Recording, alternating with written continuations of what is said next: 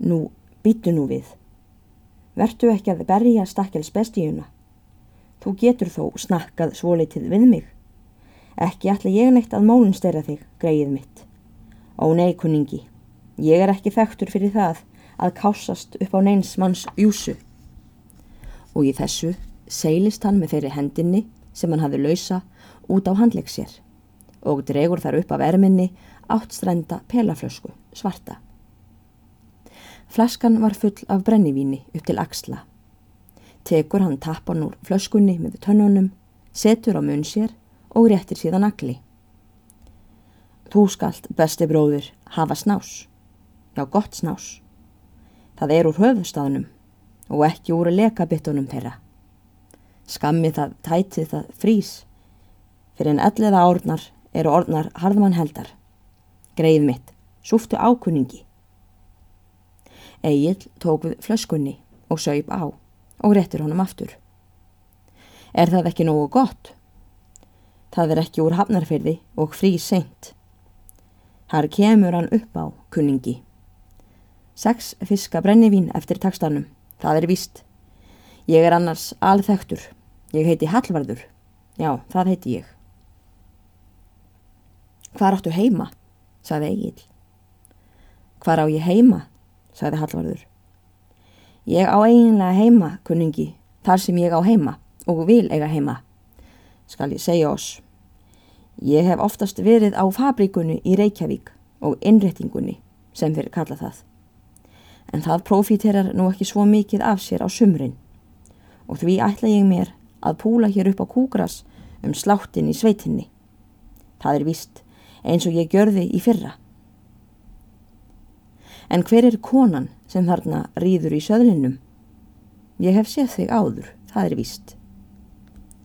Í þessu snýr hann sér við og rambar þar að sem Þórdís situr á hestspaki en heldur þó alla jafna í tauminn á hesti Egils og tógar hann með sér út úr götunni. Sælar konagóð, hvað heiti þér? Þórdís heiti ég og heima í hlýð. Já, Þórdís, Þórdís, já, ég vissi það. Já, ég hef einhver tíma verið nótt hjá yður. Takka yður fyrir mig, blessuð konan. Ég er ekki svo vittlaus, tó ég sé ofurlítið hýr. En hvað heitir þú, pígi mín? Já, nú tala ég dönsku, sagði Hallavarður og benti til Sigrúnar. Sigrún svaraði ekki brátt, varð Egil fyrir til svara og segir Hún heitir Sigrún. Þegiðu, segi ég, sagði Hallvarður. Láttu stúlkuna segja það sjálfa. Eða er það konan þín kannski, ha? Nei, ekki er hún það, sagði Egil. Nú þá þarftu eiginlega ekki að segja mér það, sagði Hallvarður. Ég get begripið það að þú átt hana ekki, því ekki ertu nú fallegur, greið mitt, og ætla ég ekki að blammera þig samt, en ekki þættir þú pen á innrætingunni, held ég. Heldur tóka þykna í agli við þessar viðræður. Tekur hann fast í taumana og ætlar að koma sér í burtu og segir Sleftu taumunum þó ég komist áfram. Hvað á þetta, ha? Ætlar þau þá ekki að býða á meðan ég fer á bakkunningi? Ég ætla að fylgjast með þér. Sleftu taumunum, sagði Egil og var sínu reyðulegri en fyrr og reyðir upp svipuna. Jæja, sagði Hallvarður, það skal ég gjöra. En finnst þú vilt ekki býða, þitt bakbesti. Taktu þó eftir því sem ég ætla að segja þér. Já, já, sagði Egil. Býtu nú við. Já, ég ætlaði að segja að þú skildir fara í bölvaða boru, greið mitt, upp á íslensku. Það var nú ekki annað sem ég vildi þér. Ég kem á eftirkunningi, það er víst. En lofuðu mér þó að hveðja og kissa á kæftin á þér, bróði minn góður. Egil vildi allt til vinna að losast við Hallvarð. Sleppir Hallvarður nú taumunum, en Egil hallar sér ofan á honum og ætlar að kissa hann. En Hallvarður grýpur um leið til hans og ætlar að halla honum að sér, svo hann geti sem alúðlegast og innvirðulegast kist hann.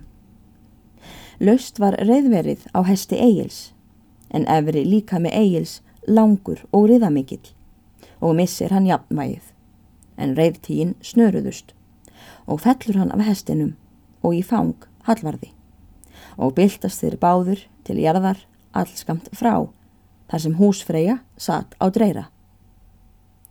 En ef dreiri sér ófarir þeirra félaga þá verður honum svo byllt að hann tekur undir sig stökk mikið og hendir sig fram hjá þeim kompónum þar sem þeir liggja við göduna í faðmlögum. Bregður síðan á skeið og getur húsfreyja ekki stilt hann fyrir en heim kemur að stað. En er Sigrún sér að fóstra hennar er rifin, keirir hún gránu á stað og tóku þá hinnir allir hestarnir rás á eftir dreira og verða þeir þar eftir, eigil og hallvarður.